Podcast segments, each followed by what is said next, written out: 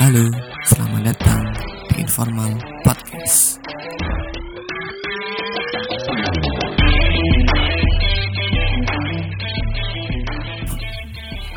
Nah, cek. Nah, halo teman-teman. Di kesempatan kali ini kita bertemu, eh, saya bertemu dengan teman SMP saya, Mas Rizal Ardi Rahmadani. Ini eh, mahasiswa di UPN Yogyakarta, Teknik Informatika ya Mas. Iya benar. Teknik Informatika. Nah, ini tuh saya sama Mas Rizal, tapi sebenarnya dia dipanggilnya tuh Aal. Ini punya kesamaan yang sama yaitu gagal SBMPTN.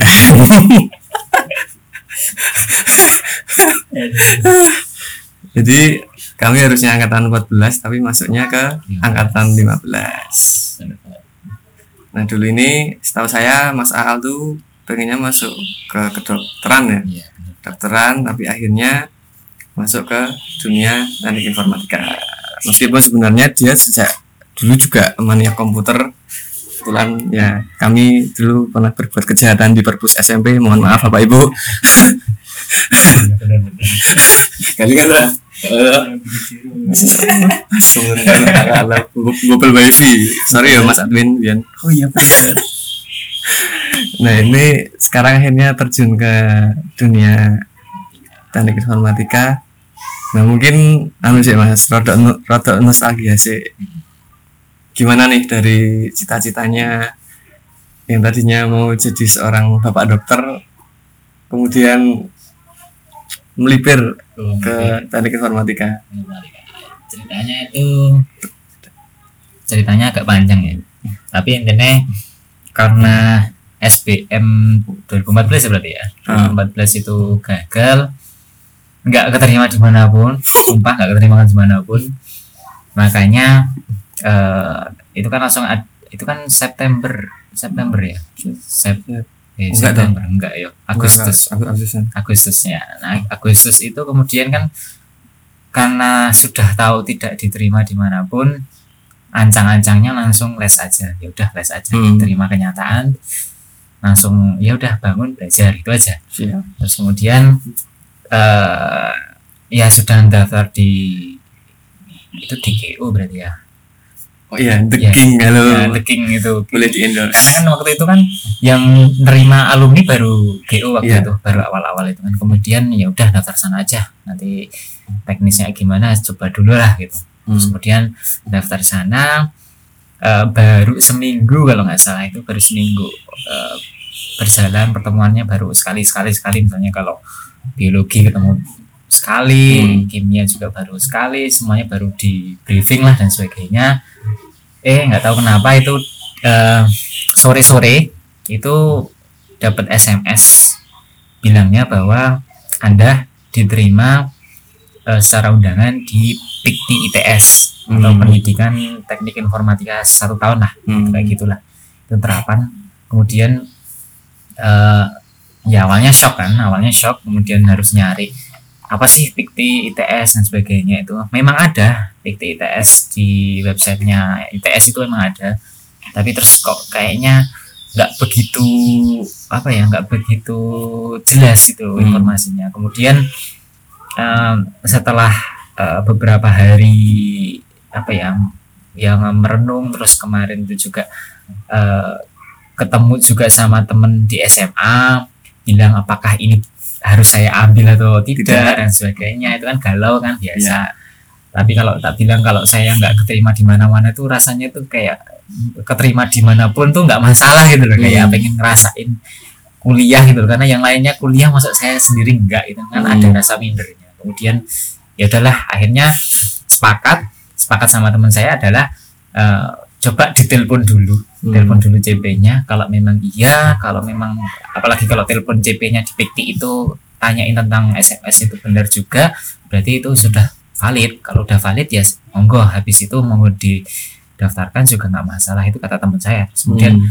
ya udahlah tak coba ah, eh, telepon kemudian eh, telepon pakai eh, nomor yang memang ada tertera di TS itu Hmm. kemudian telepon ternyata eh, Mbak apakah ini benar eh, SMS yang saya terima itu eh, beneran dari Bikti atas nama Rizal Adi Ramadhani gitu? Oh iya bener mas gitu. Kemudian kalau memang mau daftar ini ada deadline-nya tanggal sekian tanggal sekian itu harus Hmm. harus ke ITS kayak gitu.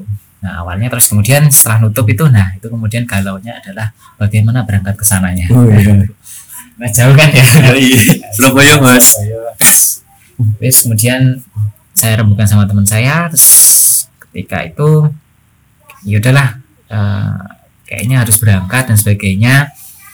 Terus kemudian saya bilang ke kakak saya dan ternyata memang kakak saya mau mau pe- apa mau kerja juga di sa- di sana. Hmm. memang penempatannya di Surabaya ya udah berangkat bareng. Kalian nah sekalian. Berangkat sana terus kemudian ya di sana mulai hidup baru dan sebagainya ngerasain merantau biasanya orang merantau ke Jogja ini merantau Surabaya. Surabaya orang Jogja ke Surabaya di sana juga ngurus les sih jadi lesnya dipindah ke Surabaya Oh berarti tetap les. tetap les jadi paginya les siangnya itu kuliah Iya. jadi eh, jam jam 8 itu berangkat sampai jam 10 jam 10 itu masih di GO sana kemudian pindah ke Surabayanya ke Piktinya itu sekitar jam 1 jam 2 Hmm. terus di sana ya udah nanti makan dulu dan sebagainya baru masuk jam 4 nanti pulang Hmm. jam 4 jadi emang satu hari itu cuma satu matkul sih nah di sana ya itulah mulai karena itu informatika terapan jadi Hmm. isinya langsung ngoding Langsung modul. langsung ngoding dan sebagainya nah, Karena teori-teori yang. ada teori tapi teori itu baru ya ngomong ngobrol 15 menit 20 menit habis itu langsung Langsung. langsung ngoding karena di situ kelasnya itu langsung itu apa eh, depan itu dosen papan tulis terus ada asistennya juga. Hmm. di mejanya masing-masing itu ada komputer. Oh. jadi langsung langsung ngoding langsung megang komputer. Kayak nang lab no ya. kayak di lab. Nah, tapi itu kelas memang khusus untuk Pikti ITS terus kemudian ya itu memang satu gedung sama informatika sana Hmm. informatikanya sana. Dan kemudian eh, yang membuat saya itu bisa berubah jadi informatika itu karena nama dosennya Pak Victor. Pak Victor. Pak Victor ITS informatika. Beliau bilangnya gini eh, eh, semua orang itu sebenarnya bisa ngoding. Hmm. semua orang itu sebenarnya bisa. Karena yang penting tuh eh, pola pikirnya aja. Jadi terus kemudian beliau kan eh, awalnya kan ngajarinya office. Hmm. tapi tiba-tiba eh, beliau bilang gini office saya kira kalian udah pada bisa ya kan? Ini era milenial Oh, kayak gitu ah. kalian udah pada udah pada bisa mestinya kayak bikin word bikin excel presentasi ppt juga siapa udah pas pasti udah pada bikin dan sebagainya yang saya mau ajarkan adalah visio saya ajarkan untuk bikin flowchart aja Hmm. dan dari situlah beliau mengajarkan apa itu algoritma dan pemrograman Hmm. nah eh, beliau kan akhirnya mengajarkan tentang ya dasar-dasar algoritma Hmm. bagaimana pola pikir yang sistematis runtut dan harus apa ya ya memang harus sistematis banget. Men- harus mikir seperti program. Walaupun kamu eh, istilahnya semua hal itu harus kamu detailkan. Ya. ah. Nah, harus jelas. Artinya habis ini harus ngapain habis ini harus ngapain Hmm. ini dan sebagainya dan sebagainya ini logikanya gimana dan sebagainya. Nah ya bukan anehnya sih tapi ke ya keberuntungan saya mungkin ya. Alhamdulillah samping saya itu adalah temen teman sekelas yang eh tak bilang beliau itu mas saya karena eh, ketika saya masuk itu umur berapa itu coba? Itu umur berapa ya kalau waktu masuk itu? Nah Lulus, beliau lulus. beliau itu udah umur 26 kalau nggak salah. Udah tua tapi eh, beliau bilang gini kan ketika tak tanya kenapa sih mas masuk sini? gitu. Memperbaiki akademiknya karena beliau itu ah, lulusan SMK langsung kerja Oh. Nah, kemudian eh, ketika tak tanya profesinya apa, karena eh, beliau terus ya agak curhat dikit dan sebagainya. Dia itu pernah bekerja sebagai kayak soft- software house kayak gitu, software house terutama untuk web development dan sebagainya. Dan sekarang memang handle, sekarang jadi CEO kalau nggak salah itu waktu itu. Hmm. Nah, kemudian eh, istilahnya karena dosen saya ngajarin algoritma dan pemrograman, beliau ini ngajarin saya JavaScript Hmm. langsung ngoding. Jadi kayak seakan-akan dosen saya ngajarin teorinya, teori secara eh, ngodingnya secara membuat uh, apa ya istilahnya kayak rancangan kan flowchart Iya. kan rancangan belum coding gitu sebenarnya Hmm. tapi uh, samping saya atau istilahnya pas namanya Mas Songko itu Mas Risa Songko itu nah, semua. beliau lah yang ber apa ya membuat hidup saya terus berubah itu karena setelah dosen saya itu ngajarin flow-nya ngajarin logikanya. Mas Songko inilah yang kemudian translate itu jadi codingan. Dan Hmm. dari situlah saya eh, bisa ngoding sampai sekarang itu karena beliau ini. Karena jadi dosennya ngajarin misalnya oh, bagaimana sih bikin ganjil genap bikin faktor bikin ini dan sebagainya? Kan itu seakan-akan cuma bikin secara pola pikir ya kayak bikin flow-nya dan sebagainya. Nah, Mas Songko itulah yang challenge kamu bikin perulangan dulu apa sih perulangan mas? Perulangan kayak gini loh Set. oh itu berarti ngulang-ulang iya. Hmm. berarti kan kalau kamu fa- faktori fa- mau bikin faktorial dan sebagainya itu kan ada perulangannya. Ada yang diulang-ulang dan sebagainya. Atau bikin oh nyari uh, faktor dari bilangan ini. Itu kan kamu harus nyari ini dibagi dibagi dibagi dibagi dan sebagainya. Hmm. Nah, itu kan kamu ngulang dan sebagainya. Pakai for pakai ini dan sebagainya. Variabelnya gimana mas? Ya bikin variabel kayak gini ya dan sebagainya. Nah dari situ kemudian saya bisa javascript.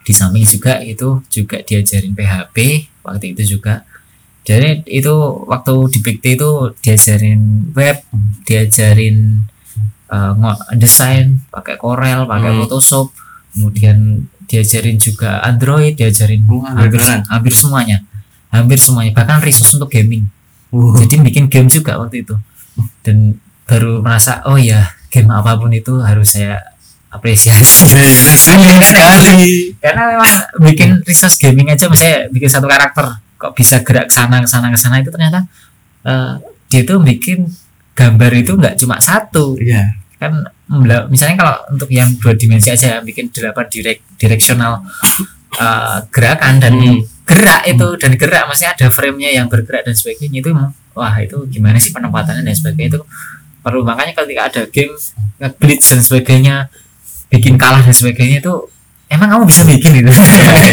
Makanya jangan apa akhirnya dari situ kan mem- membuat kita itu oh ternyata game membuat game itu nggak mudah ada Iya. logikanya dan sebagainya nah dari situlah kemudian ya dari situlah hidup saya berubah dari dokternya manusia ke dokternya komputer, komputer. kayak gitu Nah, itu juga tit- titik titik titik aku sadar di mana kan aku dulu di elektro UNY tuh. Mhm. Nah, kan yang ono ya ono mata kuliah tentang gue coding ya.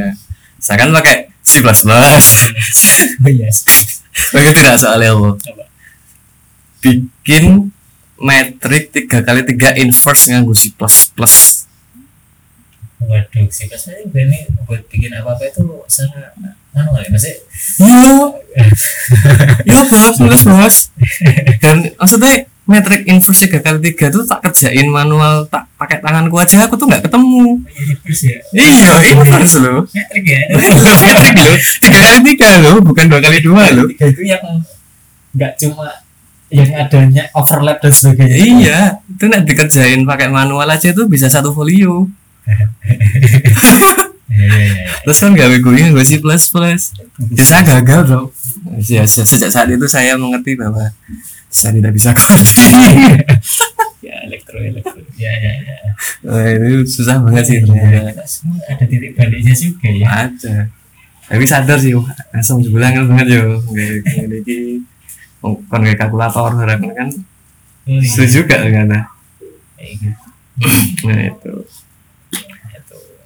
Jadi akhirnya terus setelah setelah dari ITS pas SPMI saya langsung milih Iya, oh ya itu memang dari Pak Victor itu. Dari Pak Victor bilang kalau memang mau melanjutkan ke informatika melanjut melanjutkan apa yang sudah dikenalkan di Bikti eh, saya minta coba kalau memang mau masuk ke informatika atau sejenis ini itu Hmm. memang pakai namanya itu informatika ataupun teknik informatika jangan yang lain. Karena kemungkinan isinya juga beda.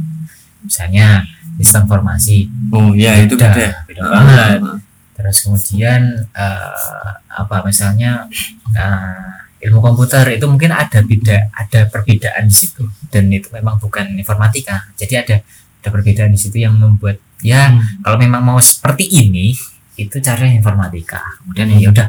Hmm. kemudian waktu itu ya saya cuma mikirnya oh informatika. Tak cek yang ada di listnya SPM itu cuma ada di UNS sama UPN yang baru itu kan Nang ITS lalu.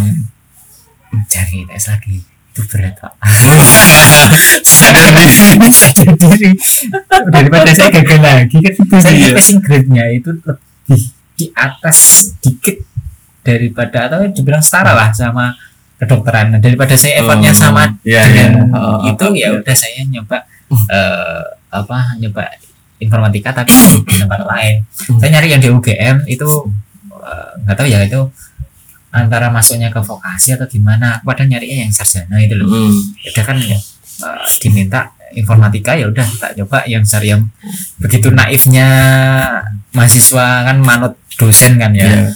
entah kayak gimana pun caranya kalau dosen udah bilang kayak gitu kan kadang kan jadi kayak "Ah, ya sudahlah itu Iya. manut saja Iya. gitu ya udah makanya saya nyari yang informatika ketemunya di UNS sama di UPN Hmm. cuma milih dua itu jadi nggak ada pilihan ketiga Langsung- dua. cuma dua itu jadi UNS yang kedua itu langsung UPN. UPN jadi langsung daftar itu dan itu ketika mulai pendaftaran dan sebagainya saya ngedrop out kuliah saya saya langsung balik ke Jogja Oh iya. Nah, jadi karena apa semakin lama codingnya semakin susah. Itu bikin Android dan sebagainya. Di semester 2 itu waduh berat sekali. Jadi menurut saya daripada effort saya maksudnya gini daripada saya ngoding sekarang terlalu freak Iya. kemudian saya lepas sarjananya mending saya pulang. Saya mau lanjutinnya ngodingnya di sarjana. Oh, iya. itu Benar juga. Makanya ketika itu langsung ngilang. Awalnya itu ngilang dulu ngilang nggak ngabarin dan sebagainya. Gitu langsung telepon dari akademiknya mas ini kok nggak pernah datang? Dan sebagainya. Besok ini mau TS deh ya. Mbak saya kalau dianggap drop out gimana? Saya Hmm. memang mau keluar dan sebagainya. Saya memang nggak mau kembali lagi dan sebagainya. Benar nih mas nggak nggak apa nggak kembali lagi. Dianggap drop out nggak masalah dan Hmm. sebagainya. Berarti bukan atas ITS kan Iya. bukan bukan dari ITS kan untuk mendrop out masnya Hmm. ini. Ya memang keinginan saya sendiri. Ya mbak. Jadi memang eh, memang dari saya sendiri dan sebagainya. Terus saya lupa kalau itu memang ada ada apa berkas yang harus saya kirimkan dan sebagainya. Saya lupa tapi intinya eh, saya mengundurkan diri lah dari Hmm. dari mahasiswanya ITS udah makanya langsung balik ke Jogja langsung fokus ngerjain dan sebagainya fokus apa eh, ngerjain tryout dan sebagainya itu Siap. Oke, berarti kan setelah dari ITS keluar, kemudian SBM dan keterima di UPN ya gitu di Teknik Informatika. informatika Eh, istilahnya apa ya? Apakah ada sesuatu yang maksudnya mungkin agak agak disimpulkan dalam dalam perjalananmu sampai sekarang gitu ya? Istilahnya eh, apakah ada sesuatu yang agak disesalkan gitu? jadi masuk UPN Oh. Wah, sorry bukan maksudku dap. ya mungkin dimaklumin aja ya karena memang begitu baru awal apa negeri ya Hmm. jadi nggak ekspektasinya itu ya memang tinggi tapi tidak terlalu tinggi karena dari swasta ke- terus kemudian jadi negeri kan uh, tidak terlalu banyak hal yang di apa ya diharapkan. Tapi ya memang ketika masuk itu pressure-nya beda sama Hmm. ITS ITS beda banget. Begitu masuk jajaran algoritma dan programan eh ngodingnya juga dan sebagainya environment dan sebagainya beda. Hmm. Mungkin ah, nggak tahu ya kalau memang ketika di ITS itu karena memang karena samping saya itu orang yang sudah pro ngoding Iya.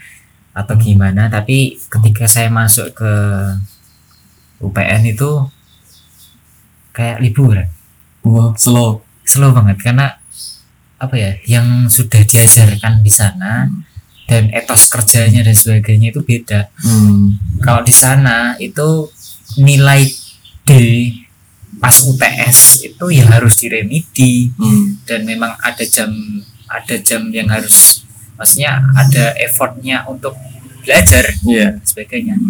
Tapi kalau di UPN nggak tahu ya karena memang pada santuy semua. Nggak tahu juga. Jadi ketika merasa misalkan oke sih memang sih ada ada misalnya bagian part-part yang memang saya harus mempelajari lagi dan sebagainya tapi ketika saya sudah belajar dan sebagainya melihat teman-teman yang lain nggak begitu ngejar mereka Hmm, hmm.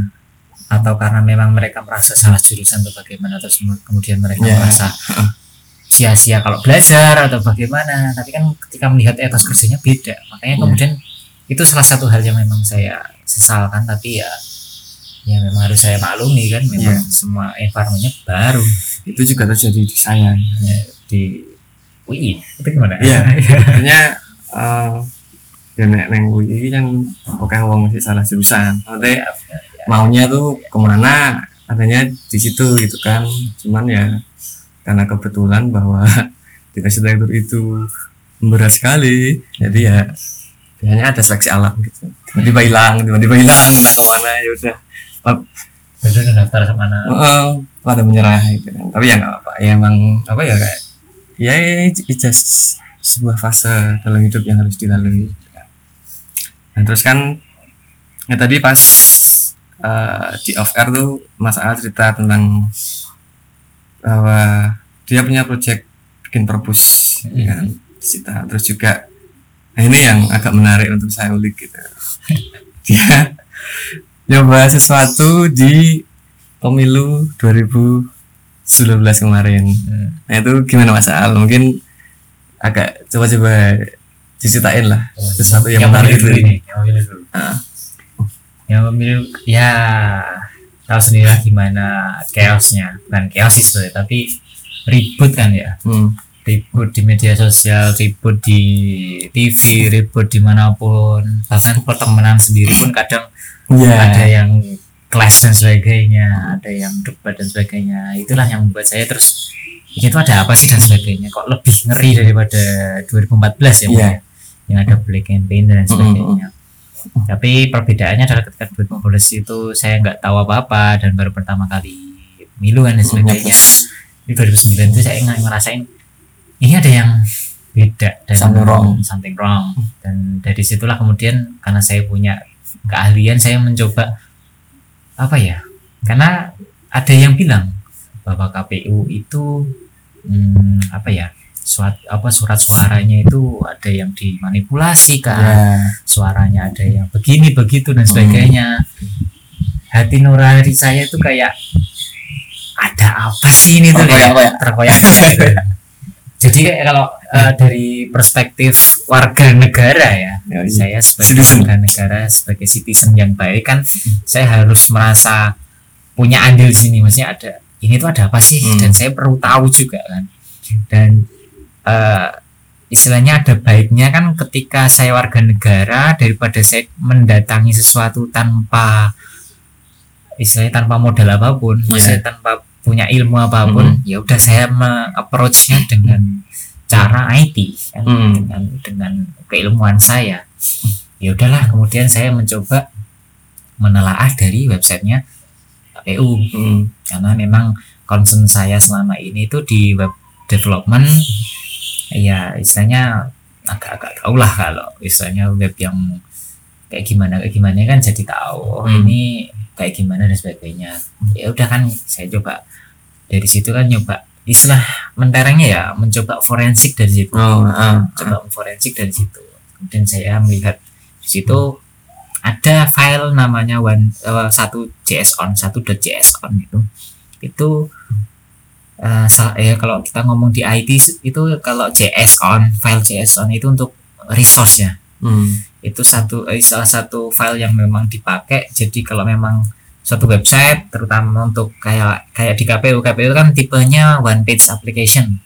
One page application tuh kita cuma butuh ngeload satu view saja satu HTML saja ngeload itu. Kemudian semua komunikasinya itu dengan JSON itu. Hmm. jadi datanya kok bisa ngeload dan sebagainya kan seakan-akan itu nggak ngeload toh. Seakan-akan Iya, websitenya ah, nggak ah, pindah dan sebagainya. ya karena memang semuanya itu dilakukan di background Hmm. semua dilakukan dengan cara tadi dengan eh, namanya restful ya namanya eh, itu kan kemudian dia bagaimana komunikasi dengan cara di background dengan JavaScript dia ngambil JS on-nya, ngambil JS on-nya, ngambil JS Hmm. on-nya kayak gitu. Jadi dari JS itu kemudian dipresentasikan dari JS on kemudian dipresentasikan. Ketika dia ngeklik apa, ngeload JS on yang ini Hmm. kemudian dipresentasikan dan sebagainya. Nah dari situlah kemudian saya lihat kok dari inspect browser saya ketika ngeload pertama kali adalah nggak ada ngeload namanya ada satu .js on dan JS on JS on yang lainnya. Dari situlah kemudian saya mencoba menelah ini resource apa, yang ini resource apa dan sebagainya. Dari situlah kemudian oh yang satu JS on ini regional untuk TPS-nya. Oh ini Hmm. ini data untuk nama regionalnya itu namanya Hmm. apa? Misalnya oh ini Aceh, oh ini Medan dan sebagainya. Dari situ kemudian oh yang ini ngambil ini, yang ini dan sebagainya. Dari situ kemudian dari JSON itu kayak semakan se- seakan-akan kayak ada kalau kita membuka map ya itu kayak ada folder-foldernya. Ya. Dari folder itu kan ada kayak key-nya itu.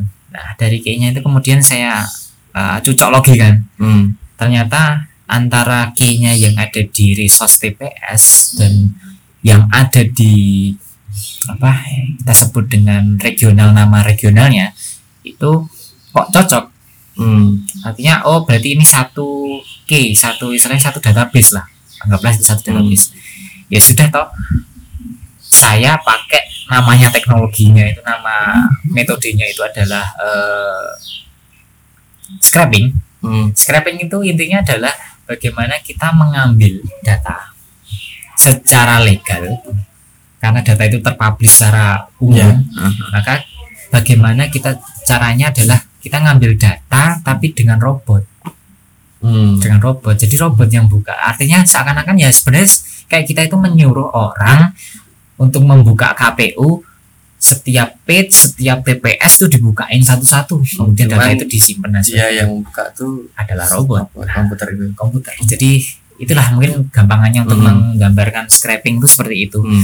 Jadi eh, saya membuat script untuk membuat eh, untuk mengambil semua JSON-nya yang dipetakan dari satu JSON itu kan kelihatan regional di bawahnya. Hmm. Dari regional ba- bawahnya itu kemudian saya request ke KPU dengan key yang ada di situ misalkan di situ ada 2000 2000 berapa .json tak request ke sana ternyata dapat juga terus ya kayak gitu kan terus akhirnya di breakdown kalau kita sebut ya nanti kayak kebentuk tree-nya kebentuk pohonnya Nah, dari situ kan ke- eh, pohon atau istilahnya akar lah kalau kita Hmm. udah ketemu akar bunggulnya kan udah langsung kelihatan ya. bawahnya dan sebagainya.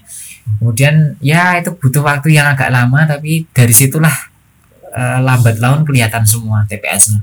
Sampai itu sampai 100.000 ribu TPS dan sebagainya itu iya itu kan dari 800 ribu kan ya dari 100 ribu saja itu kelihatan dari itu kelihatan maksudnya dari datanya Hmm.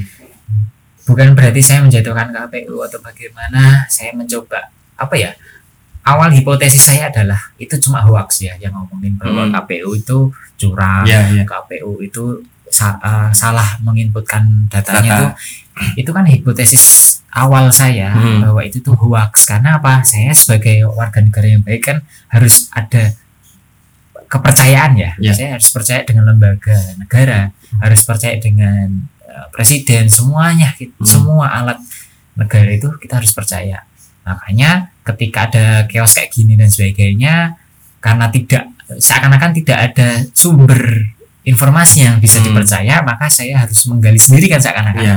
Kemudian saya gali sendiri setelah digali sendiri apa yang saya terima itu ternyata ya itu membuat saya kaget. Dari situ kan dari setiap TPS itu kan kelihatan. Suara 01 suara 02 Hmm. kemudian suara totalnya Iya. total suara. Ya berarti kan ada suara yang tidak sah dan sebagainya. Itu kan kemudian saya rekap sendiri dengan logika sederhana. Logika sederhananya gimana?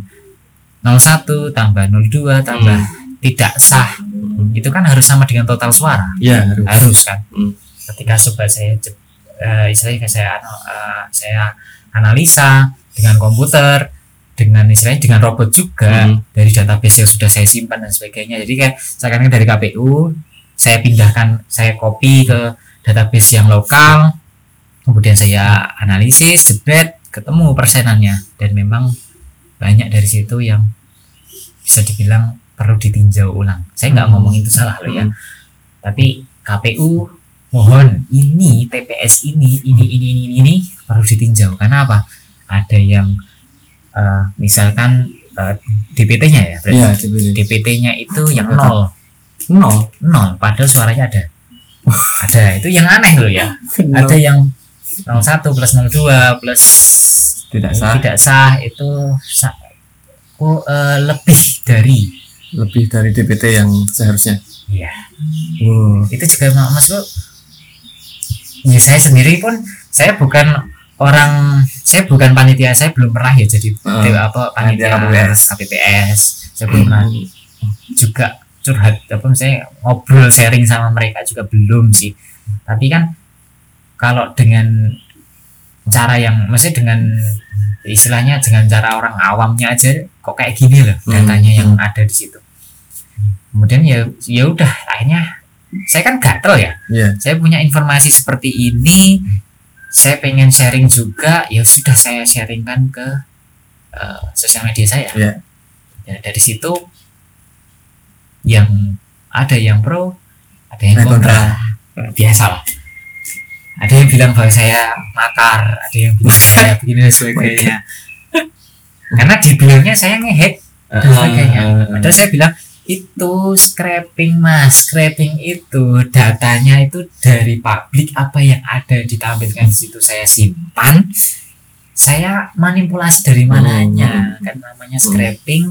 Kalau kita anak informatika, kita programmer, kita web web developer, kita kan tahu scraping itu beda dari hacking. Hmm. Kalau itu dipublish dan kita boleh ngambil, apa salahnya kita nyimpan Iya. sendiri, kita Hmm. analisa sendiri kan ya. Hmm. Dan dari situlah kemudian saya publish dan sebagainya. Eh dari outsourcing ada yang melihat, kemudian saya dibiayai dan sebagainya. Gitu. Wah ini malah Iya, dibiayai. dibiayai, saya dibiayai dan sebagainya untuk itu karena memang itu kan butuh research yang gede ya. Iya, Karena itu baru saya butuh dua hari untuk scraping 100 ribu TPS. Pada itu masih 800 Hmm. ribu. Makanya beliau me, me- istilahnya mengucurkan dana untuk membuatkan mem- membelikan saya server untuk khusus mengambil datanya itu dan sebagainya. Akhirnya bisa ke scraping semuanya dan memang memang banyak yang kejanggal. Walaupun enggak ya enggak tahu sih. Yang yang kami ambil tuh enggak cuma apa eh, suaranya doang tapi ada juga eh, C1-nya juga. Hmm. Tapi dari semua C1-nya ya sudah ada yang forensik kok. C1-nya kayak gimana dan itu bukan ranah saya.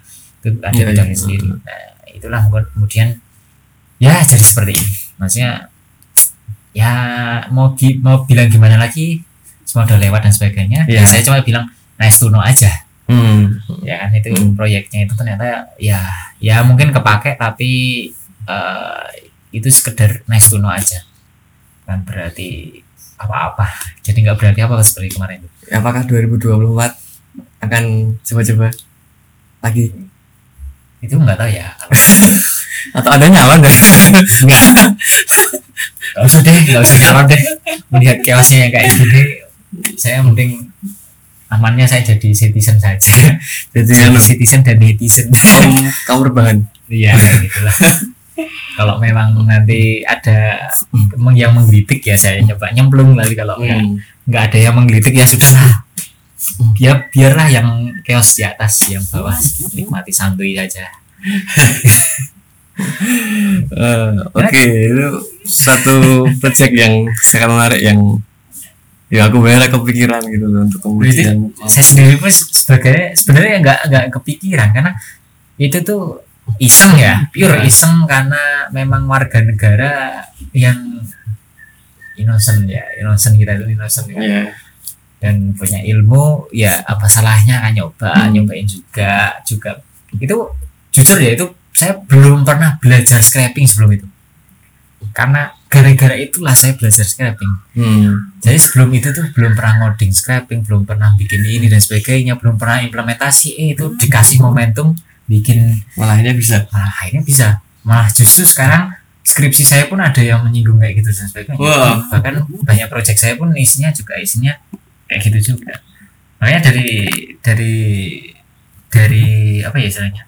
Dari situ tuh banyak hal yang eh, yang apa ya istilahnya saya sendiri pun ya nggak habis pikir pertama kan itu iseng kemudian menjumpai hal yang janggal secara di mata saya sendiri kemudian saya ketemu dengan orang outsourcing yang memang eh, dia di bidang forensik networking kemudian ada sharing di situ antara orang-orang IT dan memang ngomongin bahwa ini tuh ada masalah di KPU dan sebagainya yang mungkin saya tidak bisa ngobrol di sini karena itu uh, menyangkut kredensial dan sebagainya itu Hmm.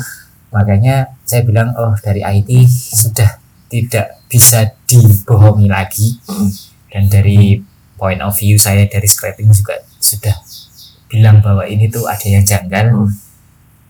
Itu membuat saya oh banyak hal yang nggak terpikir apa ya di luar pikiran saya waktu itu Hmm. jadi banyak hal yang terjadi kemudian waktu itu kan sebenarnya hampir peralihan antara semester berapa sampai semester berapa itu kan ada biaya yang harus diakomodir dan Hmm. sebagainya sebenarnya saya waktu itu harus ngejar skripsi dan sebagainya supaya tidak bayar lagi dan sebagainya tapi ternyata juga dosen saya juga nggak ACC nggak Hmm. asuransi dan sebagainya akhirnya ya udah saya beralih ke ya udahlah saya sekalian mainan Iya, Ya, iya. sekalian mainan ternyata mainan itu dapat orang outsourcing dibiayai UKT pun dibiayai beliau Oh, makanya saya merasa oh ini tuh di luar di luar jangkauan pikiran saya wah, betul. sekali sekali sekali mendayung dua tiga bulan Benar. terlampaui jadi saya bisa belajar itu saya dapat juga akomodasi buat Mm-mm.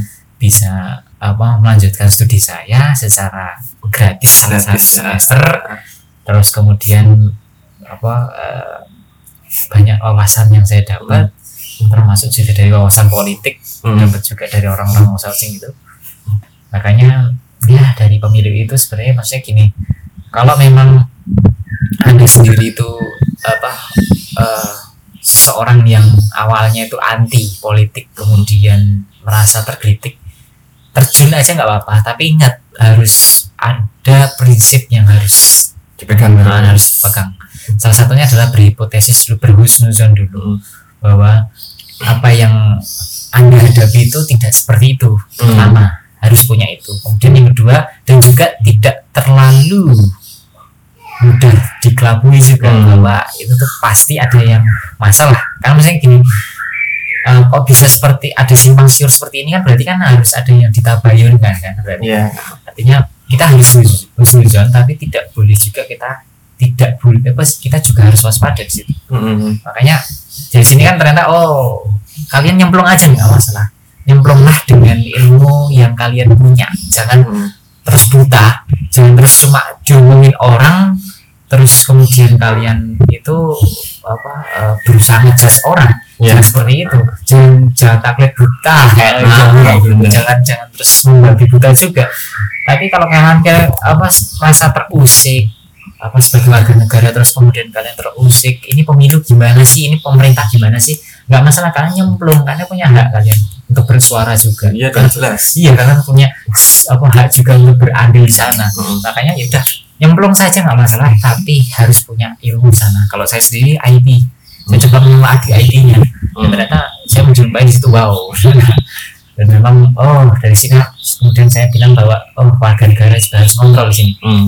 tapi saya IT maka saya juga kontrolnya di IT saya Hmm. ngomong ngomongnya yang IT Oh, istilahnya apa ya? Eh, sesuatu yang kamu lakukan tuh secara metodologis dapat dipertanggungjawabkan. Nah, kayak gitu. Jadi bukan bukan cuman asal-asalan ya, bikin, jangan tapi sampai membabi buta apalagi apalagi nyebarin bahwa nah itu yang, yang kita menjadi masalah. Pertama oke kamu uh, itu tidak pemerintah kayak gini. Tapi kalau kamu langsung tiba-tiba nge-share itu apa misalnya oh pemerintah itu oh KPU itu nggak kayak gini nggak kayak gini ternyata begitu di forensik kan ternyata itu salah ya. ya gimana makanya ketika kamu punya ilmu ya kamu telah dengan ilmumu sendiri Mm. kan kamu punya metodologi juga yang bisa buktikan itu benar atau Hmm. tidak dengan ilmumu Hmm. dengan misalnya kamu punya oh secara kalau IT ya kamu dengan algoritma yang ada itu benar enggak kan Mm. bisa kelihatan dari situ nah cobalah dari situ nyemplung aja nggak apa-apa tapi harus punya fondasinya harus punya husnuzonnya ada hipotesisnya juga. Mm. nah dari situ kemudian kamu mencoba metode yang ada itu apakah menunjukkan itu benar atau tidak? Dan dari situlah kemudian kamu bisa ngomongin bahwa oh ini salah. Mm. dan inilah cara saya kok bisa bilang salah. Mm-mm. dan kamu bilang ini hoax yang ini tidak. Dan kamu bilang bahwa ini siapa yang salah? Dan apa sih hikmahnya yang kita dapat dari situ? Oh, itu loh makanya sebenarnya dari situ keren keren. Nah gini mas tapi kan gini. Eh sekarang kan ya walaupun sebenarnya agak ketinggalan ya.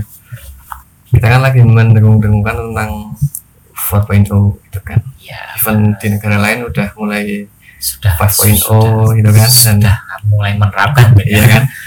Tapi kan gini dengan dengan dengan lekatnya manusia hari ini dengan dengan teknologi terutama IT apalagi munculnya media sosial gitu kan yang mana ki ada apa ya istilahnya industri hoax tuh beneran masif gitu kan dan dan dan ternyata nggak semua orang bisa membedakan gitu Mhm.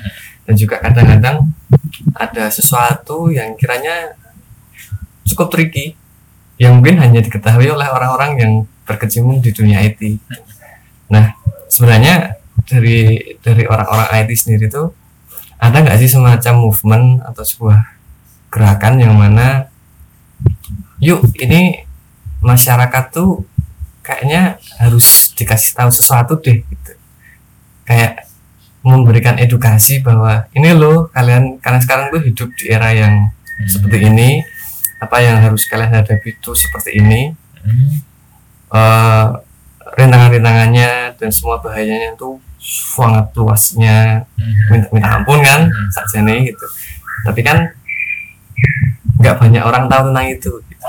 Tanya aku pun tahu ya gara-gara aku memang ya dulu mania komputer dan pernah bersinggungan juga ketika aku dulu di UNY gitu kan tapi kan sedangkan orang-orang yang sama sekali belas radong tentang IT sama sekali nggak tahu apa-apa dong gitu loh nah ada nggak sih dari orang-orang IT atau mungkin dari kamu sendiri gitu punya keinginan bahwa ya ini kayaknya aku harus make something buat society supaya orang juga ngerti nih gitu atau ketika orang ngomong tentang smart city or anything tuh kita nggak nggak lolo ah apa sih apa sih gitu loh jadi kayak ah Ya. iya gitu.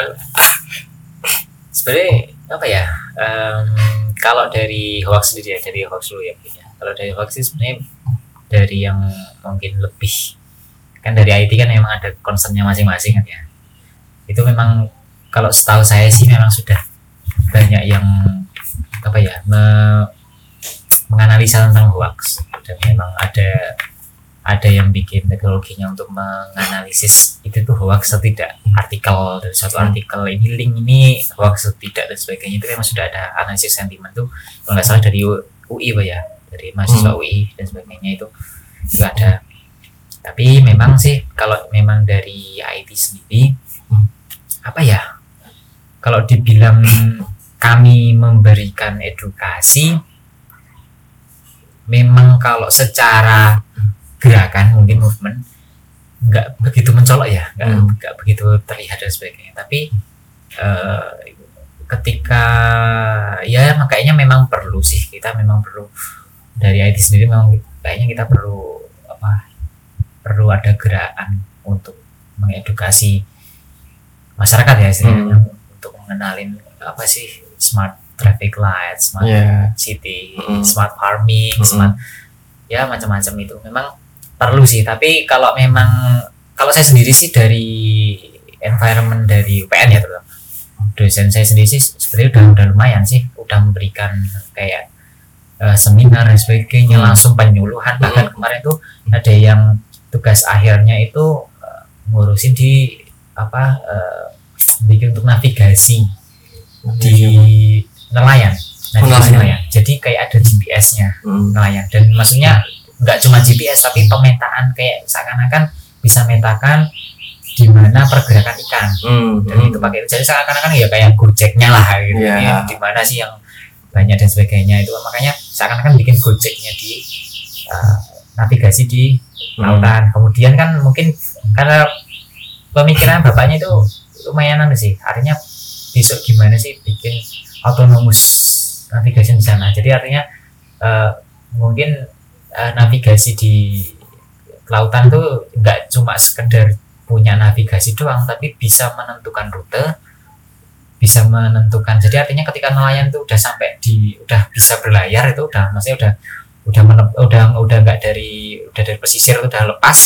itu kan langsung hidupin autopilot langsung bisa ke di posisi mana Hmm. ikan-ikan itu. Karena memang kemarin itu justru teman saya sendiri itu di teman robot itu teman robot eh, dia ngambil datanya dari dan datasetnya dari NASA sih ya Dari- NASA kemudian bagaimana mengintegrasikannya ke dalam GPS-nya itu dan bisa langsung ditampilkan di situ di alatnya keren juga. nah itu pengembangan yang selanjutnya sih bikin bisa otonomus dan sebagainya. Tapi kan itu kan mungkin beberapa tahun lagi tapi intinya kemarin udah ada penyuluhan. Jadi dari dari bapaknya ini kan dari ya itu smart itu kan dia- dianggap eh, smart kan kan berarti smart apa ya istilahnya? Smart fishing kan berarti. Iya.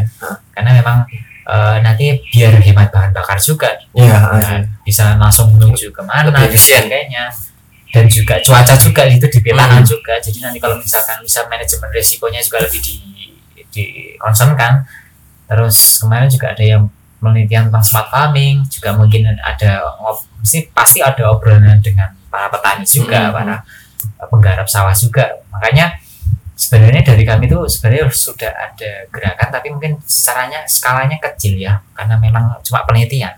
Atau tiba-tibanya nggak mungkin anu ya istilahnya nek orang orang jualan tuh secara marketing tuh belum kelihatan aja gitu. tapi ya memang, eh, memang memang apa ya istilahnya kami sudah concernnya ke situ. Karena gini mungkin ya kalau diomongin langsung seminar langsung bikin yang discuss apa discussion yang terbuka dan sebagainya mungkin bagi kami eh, ya belum terlalu perlu karena Hmm. takutnya gini salah salah apa ya kita kan itu tadi yang tak bilangin bahwa yang kami masalahkan adalah digital divide kita ngobrol ke nelayan kita ngobrol ke anak SMA anak-anak sekolah anak-anak kuliah apalagi itu kan beda Iya. bahasanya dan sebagainya makanya eh, yang mungkin kami sudah ada gerakan tapi tidak secara terbuka mungkin nggak bahkan nggak terekspos media. Karena Hmm. kemarin ketika kemarin itu ada lowongan yang ngomongin tentang apa butuh butuh engineer untuk yang di eh, kayak ada startup. Itu untuk mengontrol marketing eh, petani. Mengontrol marketing ya jadi biar petani itu dapat apa penjualan jadi langsung bisa langsung eh, ngontrol penjualannya. Petani langsung jadi ada customer Oh. beberapa gitu yang anu ya mem- jadi kayak jadi bridge-nya itu. memotong rantai itu. Iya, jadi yang jadi- tadinya pakai Hmm, distributor jadi antara takutnya biar nggak ada cukong-cukong ah, dan sebagainya itu yang antara mafia. produsen dan customer langsung dipastikan bisa nah itu dengan cara startupnya itu. Ada Hmm. ada ada istilahnya pakai digital itu. Nah maksudku adalah memang mungkin dari kami tidak ada yang gerakan yang secara langsung ke media dan sebagainya mungkin belum terlalu terekspos tapi dari kami sendiri yang peneliti dari akademik itu sebenarnya udah sudah ada tahapan untuk membuat menggiring masyarakat kita itu untuk supaya bisa langsung ke smart farming ke Hmm. apalagi ke industri yang apa yang yang sampai sekarang ini yang ya setidaknya tuh kalau nggak sampai ke industri yang keempat itu ya setidaknya kita bisa pakai ya. alat inilah bisa Hmm. pakai eh, internet setidaknya bisa pakai eh, teknologi. Walaupun Hmm. belum sampai ke AI belum sampai ya. belum sampai ke kecerdasan buatan. Jadi misalnya apa ya kadang-kadang aku tuh ngelihat ya temen atau orang gitu. Istilahnya ini masih masih masalah yang yang kecil itu belum sampai kalau tentang nelayan karena itu sampai menyangkut ekonomi itu Iya. kayak orang-orang gede kan. Ya tapi hanya event sesuatu seperti echo chamber katakanlah jadi kan mungkin karena orang nggak ngerti apa itu algoritma gitu kan. Iya. Sehingga ya akhirnya ya terjebak aja di situ-situ aja. Istilahnya eh, kayak apa ya orang hari ini tuh mungkin ya kalau kalau aku boleh bilang sih Hmm. dia dia terlalu terpaku dengan sesuatu yang sifatnya sifatnya digital gitu. kayak bahwa kayak yo nek nek kowe kakean dulu Instagram yo sakjane sih tak dulu kuwi wae karena karena emang si Instagram tuh bikin itunya ya ya kayak gitu gitu. Nah, kontennya ya kayak gitu. Heeh, itu kan. Ya itu yang menurutku kayak ya mungkin memang manusia kadang-kadang harus baca buku yang yang buku beneran atau apa itu yang enggak enggak harus terpaku terus dengan HP dan layar. Ini sebenarnya apa ya istilahnya yang jadi root problemnya ya. Berarti yang jadi masalah utama yang dari kita well, oke dari teknologi. Tapi nggak cuma teknologi loh ya. Hmm. bahkan semuanya semua bidang itu cuma satu. Kita itu masih apa ya jadi konsumen. Hmm. pola pikirnya masih jadi konsumen. Nggak mikirin ada masalah terus bagaimana mengatasinya itu yang jadi masalah. Anu ya nggak punya mental untuk nah untuk Jadi problem solver. problem solver itu. Karena memang mungkin ya kalau dari teknologi. Sebenarnya misalnya kita ada masalah kayak dulu mungkin anggap aja kok bisa sih sekarang gojek jadi begitu. Iya. nah unicorn unicorn. dulu- ya online online karena dulu nah, ya ini kan karena sebenarnya cuma simpel kan. Ya. karena dulu, dulu bagaimana sih hmm, apa menghadirkan go, apa ojek cek sama customer yang ada di rumah? Ha-ha. kan di, gimana sih caranya menghubungkan kayak gitu? Nah dari yang simpel kayak gini kemudian ada orang ya orang IT di sana yang memang concern di situ. Kemudian memang ada ya memang mereka punya momentum untuk buat itu. Ya akhirnya jadi tercipta gini tapi oke lah. Itu satu ya. Maksudku itu anak bangsa sendiri aja bisa bikin seperti itu. Maksudku adalah lah yang ke mana yang lain ke mana gitu loh. Jadi misalnya kita punya masalah di pertanian apa sih masalahnya itu gitu? Oh oke kita masalah ketika dihukum aja wes dihukum kita masih ada birokrasi harus bikin ini, Iya. ini, ini, lewat ini, ini ini dan sebagainya kenapa nggak dibikin langsung apa istilahnya eh, kita bikin shortcutnya Mm-mm. langsung jadi Tandanya diperpendek nggak diperpendek dan sebagainya dipermudah setidaknya Iya. kan atau setidaknya informasinya lebih jelas dengan adanya digital dan sebagainya itu kan sebenarnya karena memang kita itu malas itu intinya kuncinya di satu itu malas baik dari saya nggak bilang apa apa ya tapi memang mentalnya nggak cuma mental dari anak mudanya tapi orang tuanya pun ba- banyak yang Hmm. seperti itu saya Hmm.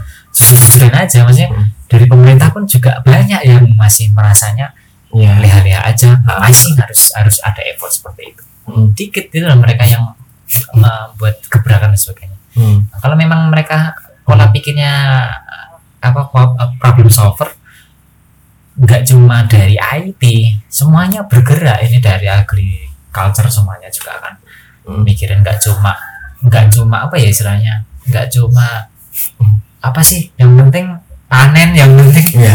nggak cuma kayak gitu doang tapi bagaimana sih oh ini ada masalah ini bisa dioptimasi bagian ini dan yang kayak apa ya mungkin or- orang tuh masih ngelihatnya s- masih apa ya namanya secara parsial Iya, gitu ya. iya. dia nggak lihat gimana secara ekosistem ya besarnya gimana ketika kita ngubah ini apa yang terpengaruh itu Iya. orang jarang jarang jarang jarang teliti lah dengan hal yang semacam itu. Dan kadang pun ada sat- salah satu pola pikir yang menurutku saya banget misalnya ah mungkin besok ada yang mikirkan ah kadang mungkin besok ada yang bisa bikin. Kenapa enggak kita gitu loh? Maksudnya kenapa enggak dari Oh, Nah, itu karena memang kalau satu kalau nggak malas ya itu. Memang nggak tahu ya. Oke kalau nggak tahu itu masih bisa dimaklumi. Hmm. tapi kan ketika dia nggak tahu tapi nggak keinginan untuk apa ya oke kita nggak tahu. Nggak nyoba untuk belajar gitu loh. Iya. itu kadang satu. Yang terus kadang oke kita sudah tahu. Kita sudah jadi mungkin kita sudah jadi sarjana. Tapi kadang tuh pola pikirnya gini. Ah mungkin ada teman saya yang nanti Yang lain. develop itu bikin itu. Itu kan jadi kenapa Iya. nggak kamu itu loh nggak semua orang tuh mikirin itu nah loh maksudnya nggak nggak semua orang. Kalau nunggu nunggu terus tuh kapan gitu sama kayak sampah sampah ada yang buang satu mikir ah nanti ada ada yang bersihin ada ada petugasnya. Hmm. ternyata nggak ada nggak ada yang petugasnya. Terus siapa yang membersihin kan? Benar, benar. makanya dari kita sendiri. Soalnya mentalnya mental follower mental konsumen gitu kan konsumerisme Jadi, sebenarnya kita nunggu produk baru aja deh. Iya. daripada bikin susah. Iya. dan dulu gubernur yang baru kan ketika gubernur baru, udah jadi terus nanti eh, apa sih kerjanya gubernur nih? Iya. Makanya kerja kerja makanya kamu sendiri Mm-mm. anu nggak usah nungguin. Oh nah gitu loh mas. Benar benar. Masalah Eh, dengan ya dengan seluruh masalah yang tadi kita punya di Indonesia gitu kan. Sedangkan hari ini kita lihat bahwa dunia mulai menuju AI kan. AI artificial intelligence apalagi kalau dulu aku baca bukunya Yuval Noah Harari yang Homodeus kalau mungkin tahu hmm. itu kan dia cerita lah tentang tentang big data tentang AI yang mana eh, dia memprediksi gitu, bahwa kemungkinan masa depan dunia ke depan tuh yang akan yang akan berjaya katakanlah itu adalah ilmu IT dan biologi ilmu IT dan biologi. Ya karena ketika kedua hal itu bertemu tuh akan terjadi sesuatu yang ya cukup mencengangkan dunia katakanlah. Misalnya gini kan dia jadi sebenarnya kan ya kalau kita baca baca buku itu sih nek dari bahasa sih cukup populer dalam artian gampang dipahami. Cuma aslinya dia based on riset. Itu bisa dilihat di daftar pustakannya udah banyak banget.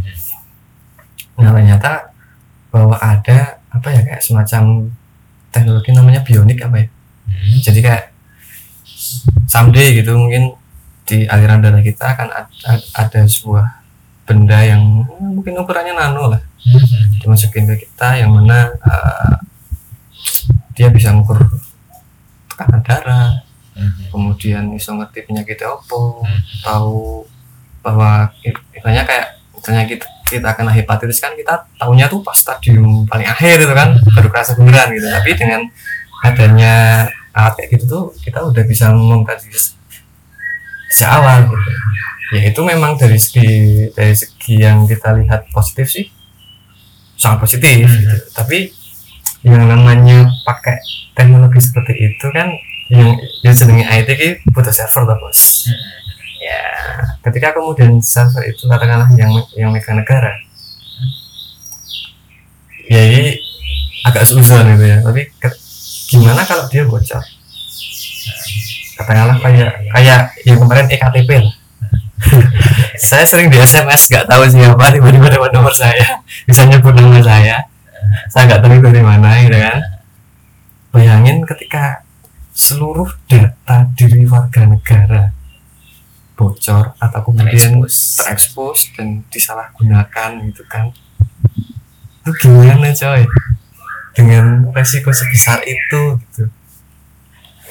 Oke dek. gila cuy aku mikirnya langsung ju jeblok gitu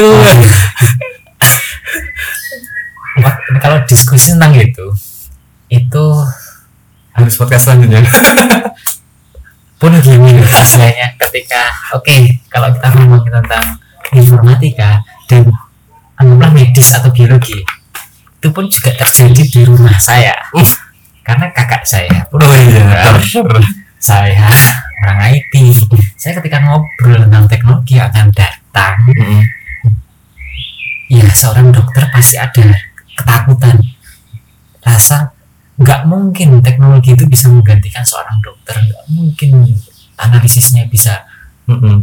apa presisi benar dan pasti dan sebagainya itu ada ketakutan sendiri itu ada ada yang bikin dia itu paranoid dan sebagainya Hmm. kan tapi kan tak bilang a- kita ada ada salah satu bidang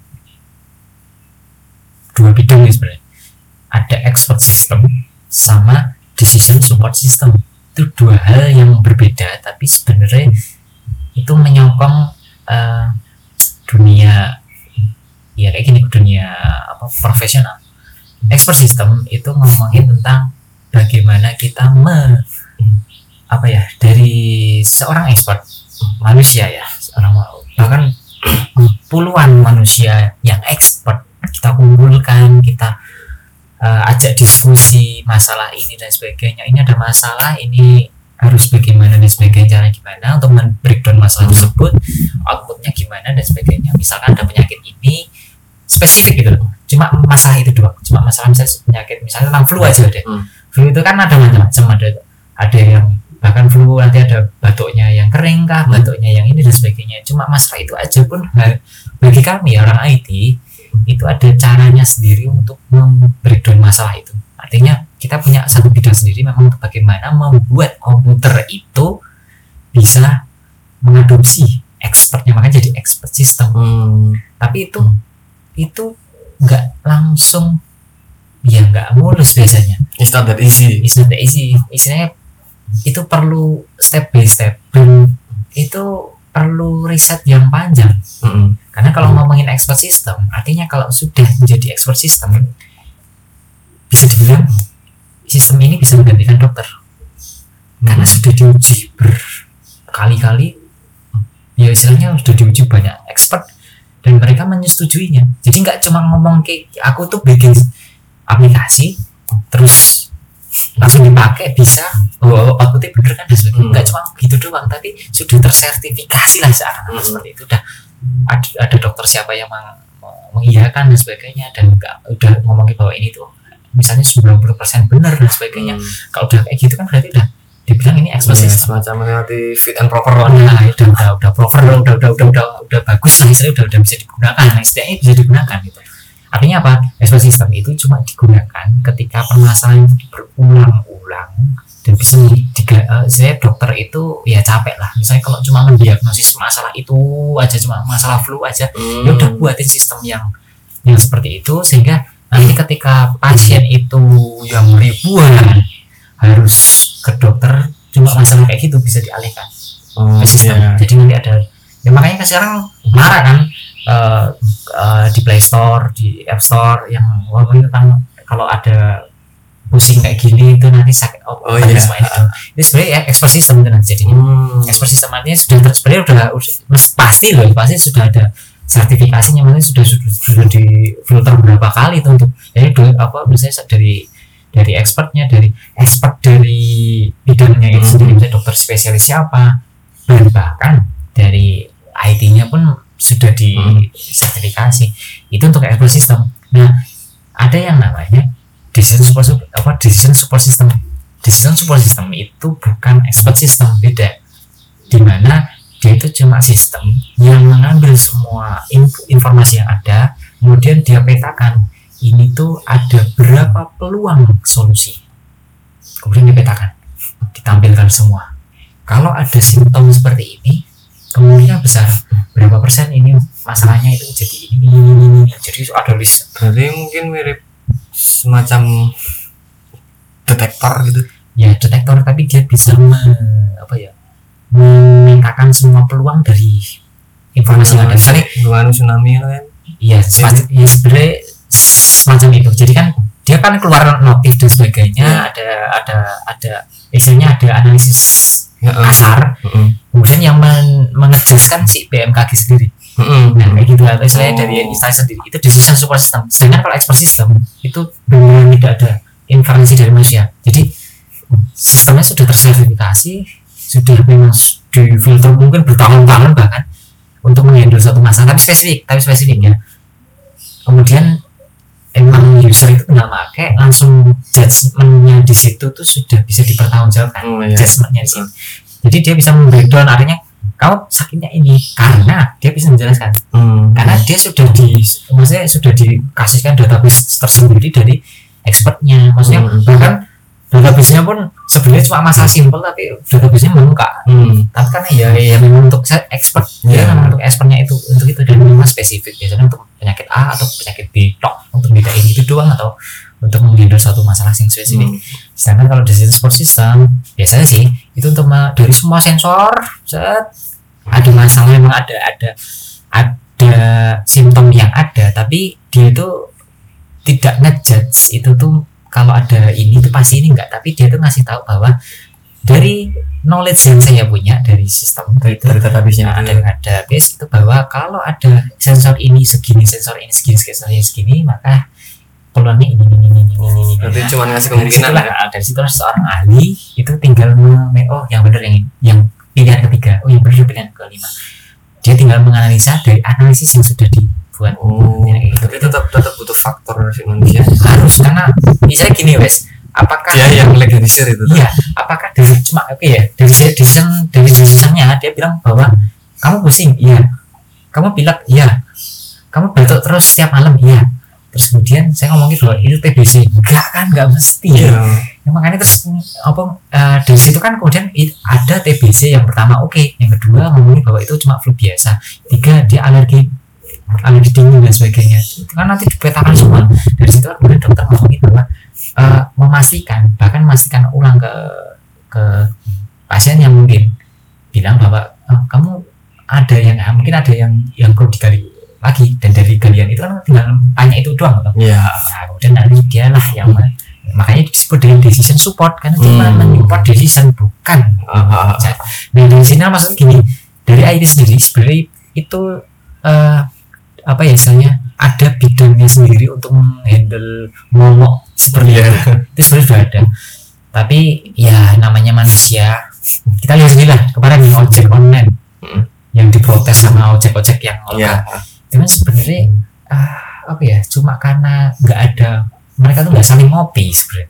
Iya. Oh, Mereka nggak saling udah ngobrol ngobrol lah ya serangan sebenarnya saat ini kan bisa dibilang gini loh nanti dari Gojek bikin aja mereka diakomodir ke Gojek tapi yang boleh mangkal di situ adalah yang lokal nggak Oh, masalah kan iya. gitu itu kan cuma kurang ngobrol dan sebagainya karena toh juga Gojek tuh juga baru level tuh Iya. Gojek juga baru baru mulai juga baru baru akhirnya kalau saya tak bilang sendiri dari orang IT ya. Saya sendiri saya bukan berarti saya terus apa ya mengejas orang-orang yang tidak mau orang-orang yang konservatif itu Iya. jelek itu enggak. Tapi tak bilangin bahwa perubahan itu pasti tapi jangan jangan terus alergi lah. Iya. kayak gitu. Makanya kalau dari saya sendiri sih untuk menghandle momoknya itu cobalah mungkin ya memang harus kita apa sih dari IT memang harusnya memberikan seminar memberikan pemahaman bahwa eh, IT itu nggak segitu naifnya Hmm. ya nggak segitu itu. Perlu ada proses dan sebagainya itu memang ada. Dan maksudku adalah memang ya itu juga bahkan jadi momoknya kita sendiri yang jadi IT Hmm. untuk AI itu sendiri. Karena AI sendiri pun gini loh ya, tak omongin tentang eh, bersatunya IT biologi tak omongin ya machine learning itu bersatunya biologi dengan IT loh Iya. Oh iya, benar benar. ya? Iya, benar. karena neural network Heeh, heeh. neural network itu terinspirasi dari saraf manusia Hmm. yang mana kalau tak bilang ya itu black box ya ini otak itu bisa belajar itu black box nggak Hmm. bisa kita judge Iya, dia bisa oh kamu itu bisa belajar itu karena itu angka-angka nggak mesti Hmm. kamu bisa ngapalin itu karena ini ini, ini. Nggak Iya. nggak bisa. Artinya rules di situ? Hmm. ada ada something di situ. Hmm. dan bahkan orang IT sendiri pun sebenarnya ketika jelasin machine learning kamu juga nggak tahu itu random.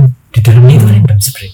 Artinya ah, bahkan kami sendiri pun ketika bersatunya biologi dengan itu itu pun jadi satu apa ya yang yang kami itu sebenarnya kami juga wow kami juga wow kami juga bisa juga bisa Kemudian sebenarnya nggak bisa jelasin karena ngomongin tentang machine learning aja ya? Misalnya kita machine learning machine learning itu sebenarnya cuma ngomongin tentang machine learning maupun deep learning.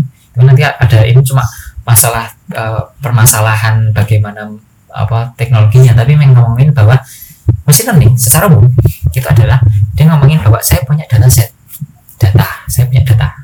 Entah itu data data ya kayak seakan-akan semua sensor yang ada dimasukkan situ. Hmm. Kemudian setiap data itu ada pelabelannya biasanya. Ada labelnya. Artinya apa? Kalau sensornya itu ngomongin A, B, C, D, E, nanti outputnya pasti satu. Kalau ini, ini, ini, itu outputnya jadi dua. Artinya apa? Tak omongin bahwa seakan-akan kayak kamu tuh ditetah ya, kayak dia, Hmm. kamu suruh kalau berdiri itu gini caranya, Hmm. kalau anu begini caranya dengan iterasi tertentu. Jadi akan-akan ini dari data ini tolong kamu belajar kok main bicara nih gue hasil ke suatu formula di dalam neural itu di dalam selnya itu menemukan pembobotan sehingga kalau tak omongin A B C D ketemu ini satu bicara nih gue iterasi berapapun bodo amat. Intinya gue harus nemuin itu. Nah dari situlah machine learning. Artinya dia di training oke berhasil sampai satu dataset itu berhasil dievaluasi kemudian ya udah akhirnya dia dengan data yang selain yang ada di, di dataset dites. Oh akurasi 90% oh akurasi 80% nah dari situ kemudian jadilah AI tadi. Dan itu itu di luar nah, sebenarnya kamu nggak bisa nggak bisa juga kamu cuma ngomongin bahwa ini komputer ya. Komputer itu polanya adalah nek kita omongi A ketemu B kudu C nek urung C ya ora bakal mandek. Nah Iya. makanya tak omongi bahwa mesin learning seperti itu. Hmm. penggantasan mesin learning itu apa sih? Satu errornya itu harus minimal berapa itu kalau persen. Kalau masih gede dia masih belajar terus bahkan berhari-hari bahkan berminggu-minggu. Makanya ketika ngomongin tentang kayak gini tuh ya kami juga sebenarnya nggak bisa jelasin itu bagaimana kok bisa menemukan karena random di situ dalam itu kan. Seakan-akan gini nah mesin A dalam selnya itu kan ada hitungan tet ketemu set gini. Pembuatannya sekian. Oh sekian persen di sel ini sekian persen di sel ini dan sebagainya. Kemudian ketemu, ketemu toh ini kalau ini terus kemudian masuk ke sel selanjutnya. Eh gimana caranya? Ini tak jadiin satu terus, oh ini keluar segini. Sampai ke output selnya. Ini keluarnya satu kayak gitu. Hmm.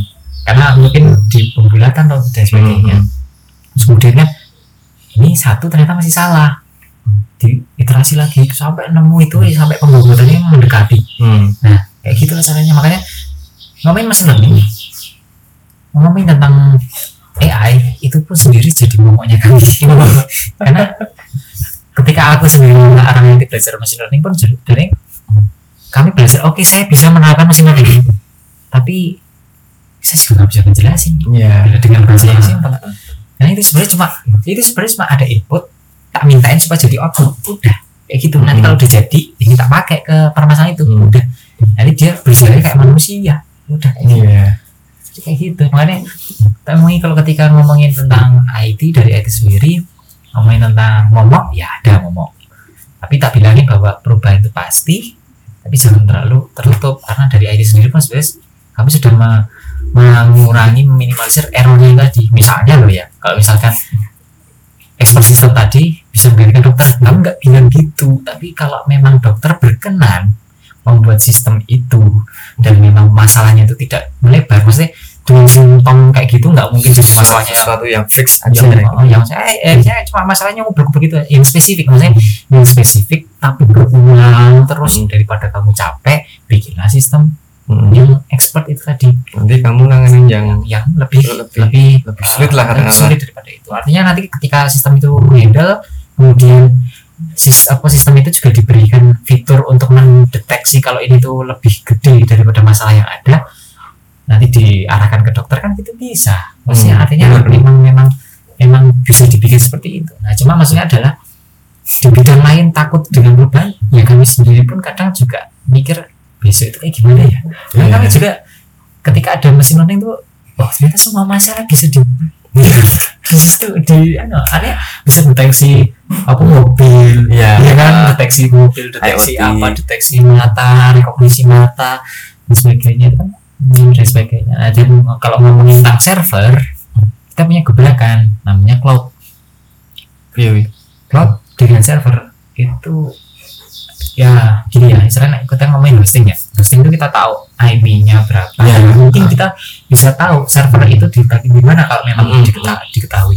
Tapi kalau untuk cloud itu semacam infrastruktur yang membuat penyimpanan kah komputasi kah dan sebagainya itu bisa diparalelkan terutama paralelkan tuh dalam artian? Dalam artian misalkan ya kita kalau mau eh, storage. Misalnya kita berapa giga storage ya sekarang ya? Mau kita tambahkan jadi 30 giga jadi 100 giga jadi berapa? Itu dalam sekejap. Itu bisa. Karena apa? Dia bikin infrastruktur yang dia itu terkonek dengan hampir banyak server yang ada. Dan kemudian dari banyak server ini dia memudahkan artinya gini data user A saya tahu ada di mana di mana di mana di mana di mana. Dan ketika dia butuh sesuatu mengalokasikan sesuatu ya tinggal diambil tinggal di blok aja dok ini Hmm. blok ini tinggal anu. dan itu memang infrastrukturnya sedemikian rupa gampangnya kalau kita ngomong ya server di sini bagaimana konek ke kono ya tinggal Iya. pakai kabel dan sebagainya Oh, oh. sekarang enggak sekarang ada internet dan sebagainya yang mungkin mungkin bisa membuat semua itu terkoneksi servernya ada di mana sampai mana itu semua terkoneksi internet gitu loh Hmm. dan itulah yang membuat makanya istilah gini aku belajar ya memang saya bukan expertnya ya mungkin penjelasan saya agak lebih wak, misalnya bagus sebenarnya. Hmm. tapi menurut pemahaman saya adalah cloud computing yang sekarang cloud storage yang sekarang itu adalah teknologi yang membuat semua apa ya semua nightmare tentang server itu bisa ngupgrade-nya gimana sih dan sebagainya. Dulu kan nek ngupgrade pakai ini dulu servernya ya. ditambahi dulu kemudian nah, sekarang enggak karena eh, bahkan storage yang sama pun dia ada backupannya. Jadi ketika ini mau oh ini hard disk yang bagian sini itu perlu diganti. Misalnya ini umurnya udah dua tahun harus diganti. Ya dia matiin nggak aja nggak apa-apa di bagian sini. Karena dia ada backupannya ada mirrornya di sini. Oh. Jadi ketika dia mau ganti nggak masalah kemudian ah dan seterusnya di itu baru satu ruangan ruangan yang lain mungkin jadi ketika dia mirroring pun mirroring di ruangan lain dan Hmm. sebagainya. Itu kan datanya banyak berarti server tuh hari ini tidak mungkin stop ya? Tidak mungkin stop. Nyaris tidak mungkin kecuali kalau ada chaos Heeh. kiamat ya. Kalau nuklir. kalau kalau kayak gitu. Tapi kita ngomongin bahwa sekarang di Singapura ada server berapa? Kemudian di Florida di mana? Itu banyak banget kan? Maksudnya penyediaannya kan banyak. Dan dia ketika ngomongin cloud computing itu adalah suatu hal yang bisa dibilang baru bisa dibilang baru karena memang cloud computing itu nggak cuma anu ya nggak cuma storage ya computing. Oh computing? Computing juga computing itu bisa di apa oh ngerti aku. bisa di cloud kan. Artinya ketika user itu dia butuh komputasi yang lebih tinggi dia bisa ngikutin dari CPO nya yang dibutuhkan bisa naik. Heeh. dan sebagainya kayak nah, di arsitektur tuh ada kan kadang kami untuk memvisualisasi dari software tiga dimensi kan harus namanya di render ya di Karena komputer yang lelean kan upload banget. Ya, itu bisa dititipin entah ke mana kita tinggal nunggu hasilnya tinggal di download gitu. Nah iya. Kayak gitu. Itulah itu salah satu. Oh Itu salah satu. satu cloud computing. Salah satu ya bisa dibilang cloud computing. Karena gini kenapa dibilang cloud karena kita tidak tahu data kita di mana. Ya itulah makanya paradigma paradigma pola pikirnya adalah ketika ngomongin cloud kita itu nggak bisa menjelaskan di mana itu eksaknya karena seakan-akan kita bilang bahwa cloud itu satu kalau kita ngomongin cloud ngomongin awan kita nggak nggak mesti gini kita ngomongin awan kita nggak tahu awan di mana Iya. karena banyak banget awannya nggak tahu ya di persisnya di mana jadi koordinator bahkan ya istilahnya apa bahkan awan tuh kan ber- bergerak dan sebagainya itu kan nggak Mm. nggak kita bahkan kita nggak peduli ya awan Iya. ya tiba-tiba awan itu mendung aja ya, kan? Nah. kita nggak ada kemudian semua orang kita berada di langit yang sama di awan yang sama bahkan. Kita kita nunjuk gini orang pun bisa nunjuk bisa tahu oh awannya itu ya? Nah gitu. Bisa lihat. Artinya cloud itu sangat abstrak sangat abstrak. Makanya eh, ketika gue ngomongin yang bisa jelasin itu cuma providernya. Hmm. cuma provider. Cloud, Google kan dan sebagainya. Artinya ketika kamu bilang saya eh eh, berlangganan cloud ke kamu ya? Ya. Kamu ngomongin cloud ke kamu saya minta 3 giga dulu aja deh. 3 giga komputasinya sekian oke. Tapi nanti saya minta ya ketika ada lonjakan di bulan ini sampai bulan ini mungkin ya itu nanti mohon eh, bisa diatur lah. Nah kemudian ya udah ketika dia deploy ya nggak tahu datanya di mana. Bahkan providernya sendiri pun juga nggak tahu itu otomatis dan sebagainya. Dan itu resource-nya gede banget bahkan kita bilang unlimited. Bahkan bisa bilang unlimited turah-turah turah-turah. Internetnya ke- kecepatannya komputasinya Nah, karena ketika kami bilang bahkan kita bilang komputasi pun kita kan bilang oke oke misalnya gini ya satu Intel Intel Xeon dan sebagainya. Ya. itu server itu pun cuma 12 CPU lah. Bagaimana kita menghandle request yang sangat gede itu? Hmm. ya udah di paralel jadi satu tas itu kemudian di eh, kayak gitu. Nah aku tak bilangin ada loadernya ada yang bisa mengarahin itu request ke mana ya server ke mana dan sebagainya. Itu ada loadernya jadi ketika eh, ketika masuk request itu karena karena banyak instansi banyak misalnya gini aplikasinya itu diinstal ke banyak server ya udah kan dia bilang oh server sana kebak ya tak kayak yang kedua. Oh ini kebak ya tak kasih yang kedua. Dan mereka mirror semua. Oh iya Nah, viral semua. Makanya ketika ketika dia bilang eh, apa istilahnya eh, ketika dia bilang cloud computing maka ya dia bisa bisa menghandle banyak banyak resource. Makanya ya itulah makanya itu hal yang baru. Dan itu tuh makanya ketika ngomongin cloud dan ngomongin pemerintah itu ya itu jadi masalah juga sih. Karena cloud, cloud itu banyak yang banyak dia dari luar. Sedangkan di Indonesia sih sendiri satu kenapa kok cloud di Indonesia sangat sedikit dan sebagainya? Kita berada di bencana. Ya nah, ya. kita terlalu banyak bencana di sini.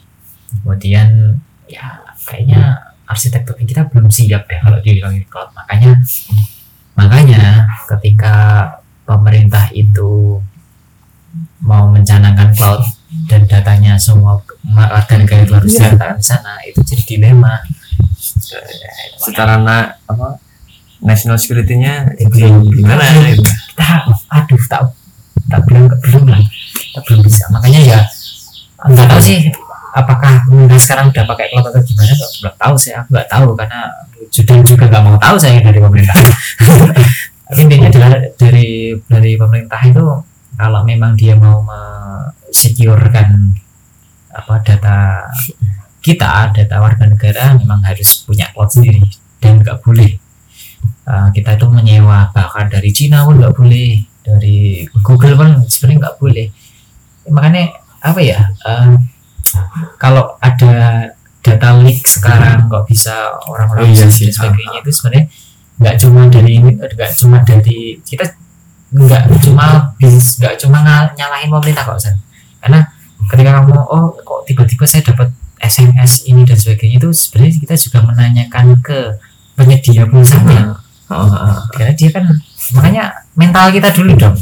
Mental kita dulu. Kita belum tahu privasi oh sih kita belum tahu privasi sama sekali. Makanya eh, nggak tahu sih pemerintah juga apakah seperti itu? Karena cerminan rakyat itu cerminan rakyat. Di pemerintah Iya. lah iya makanya ketika pemerintah itu tidak tahu menang tentang privasi kemudian dia ikut cloudnya ke luar negeri kemudian dia nggak tahu tentang data leak dan sebagainya ya wajar warganya kayak ini apa iya dengan yang ada dan ketika ngomongin privasi juga ngomongin security. Loh makanya kita belum bisa. Ya eh, kemarin juga aku sempat dapat kabar kan tentang apa? 5G iya salah satu penyedianya kan ya nek di Cina kan ya Huawei Nah. kemudian ada nek di Amerika ada Qualcomm Heeh. dan teman-teman yang lain itu kan.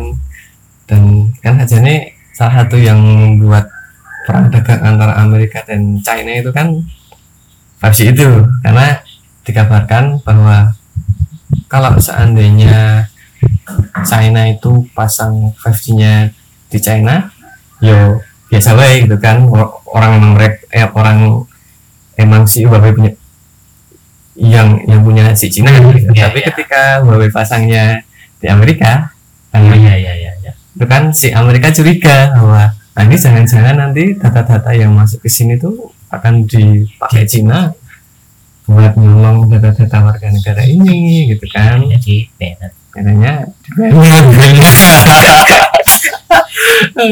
dan yang dulu kan katanya juga si si Huawei mau pasang 5G-nya di Jerman.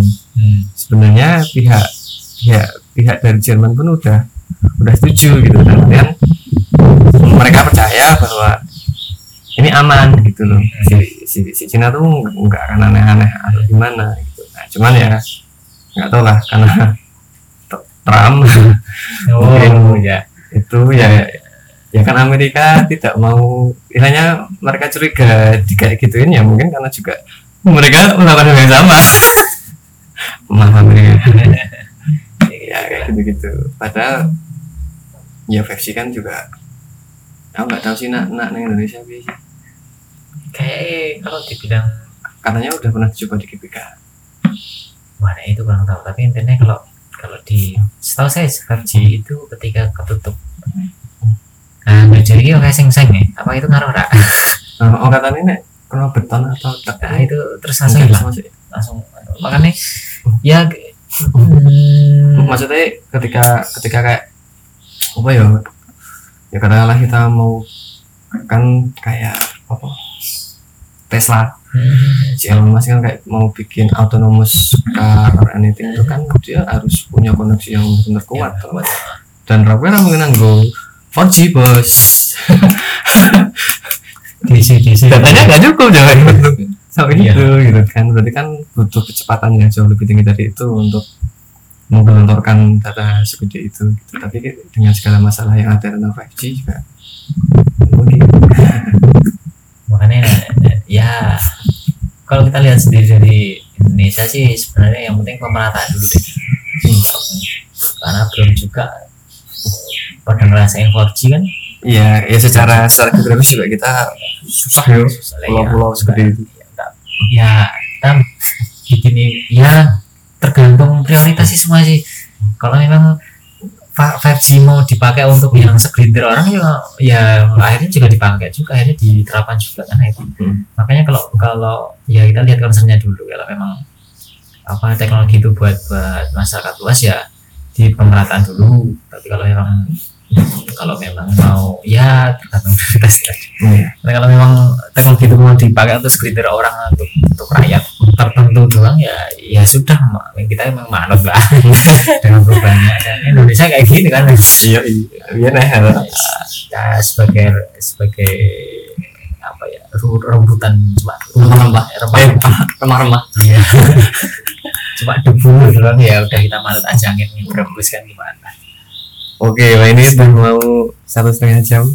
Mungkin satu pertanyaan terakhir gitu. ya dari perjalananmu yang akhirnya bahasa-bahasa di jalur IT dan lain sebagainya dan akhirnya kamu sepertinya sudah apa menetapkan hati untuk ada di sini dan kamu juga masih muda itu kan?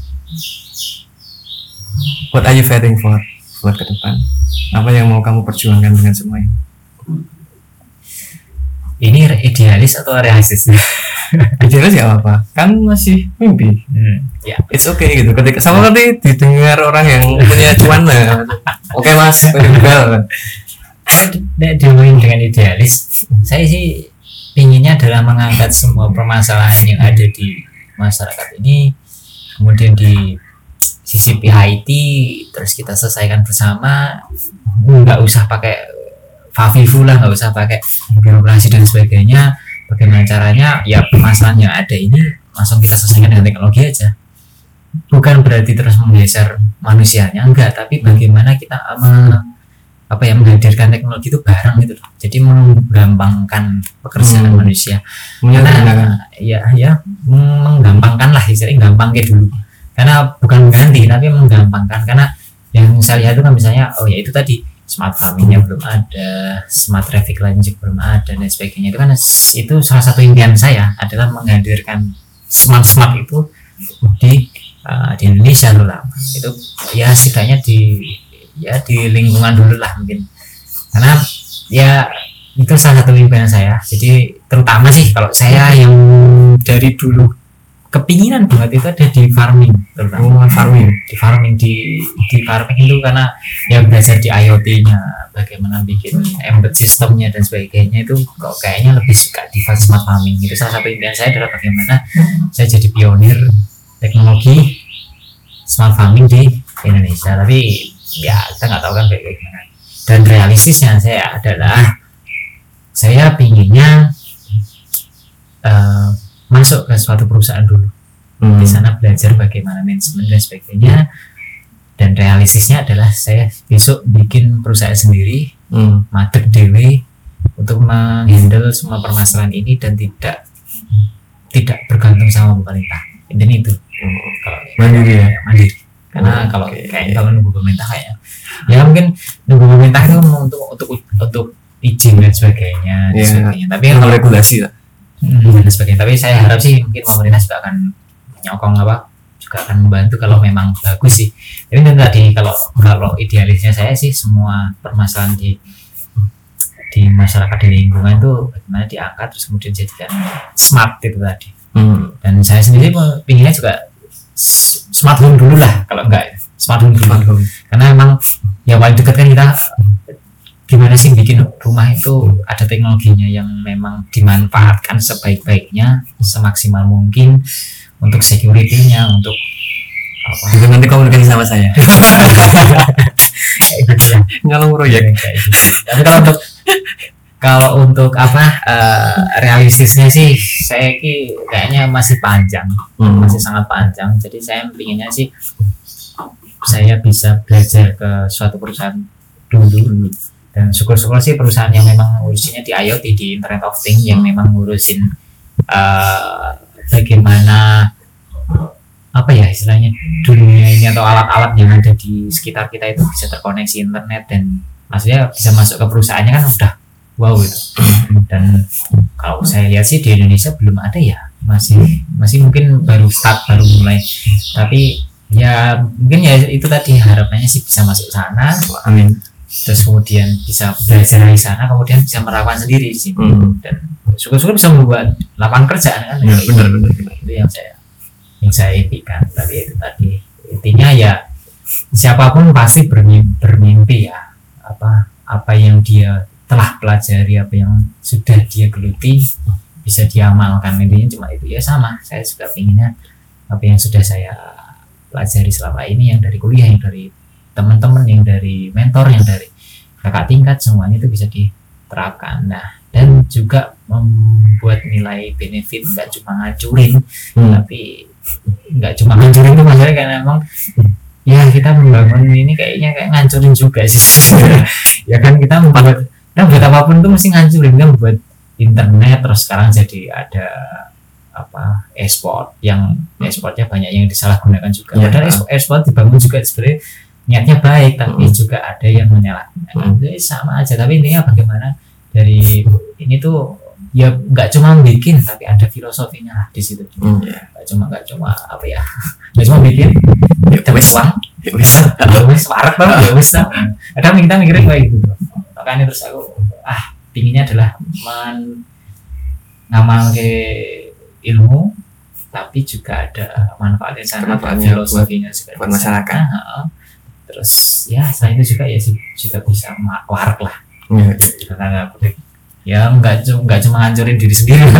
Gitu. tapi apa pengennya juga saya juga nyaman orang lain juga orang lain juga bisa merasakan kenyamanan tersebut kan kayak gitu maksudku ya saling benefit lah kayak gitu Oke, terima kasih banyak Mas Aal. Ini bisa dihubungi di mana? Di Instagram Instagram aja deh Ray. Iya. Jangan lupa follow Instagramnya Informal Project juga. Tunggu info-info selanjutnya dan kalau ada feedback, monggo silakan DM saya di sana.